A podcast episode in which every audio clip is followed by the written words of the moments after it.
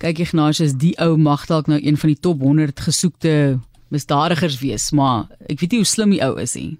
Of hoe? Ek weet nie, Martlies, jy weet, as jy 'n sportaanhanger is, dan kan dit teen jou tel. Nou, sport het 'n manier om 'n land en sy mense bymekaar te bring.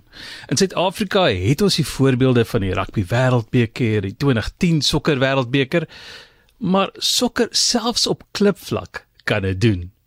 So is Vincenzo Laporta herenig met sy geboorteland, Italië, en dit omdat hy so 'n groot ondersteuner van Napoli is.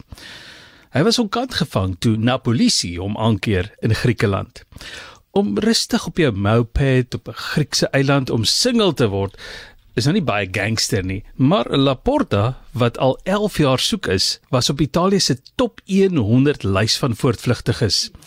Hy word verbind met 'n Italiaanse gewelddadige misdaadorganisasie se belastingontduiking en geldwasery afdeling. Waar sokker in die prentjie kom, is dat Napoli vir die eerste keer in meer as 2 dekades die Serie A titel gewen het. Laas toe Diego Maradona nog vir hulle uitgedraf het. So 'n geleentheid moet 'n ondersteuner vier. En die polisie sien saam met die res van die wêreld die fotos van die vieringe.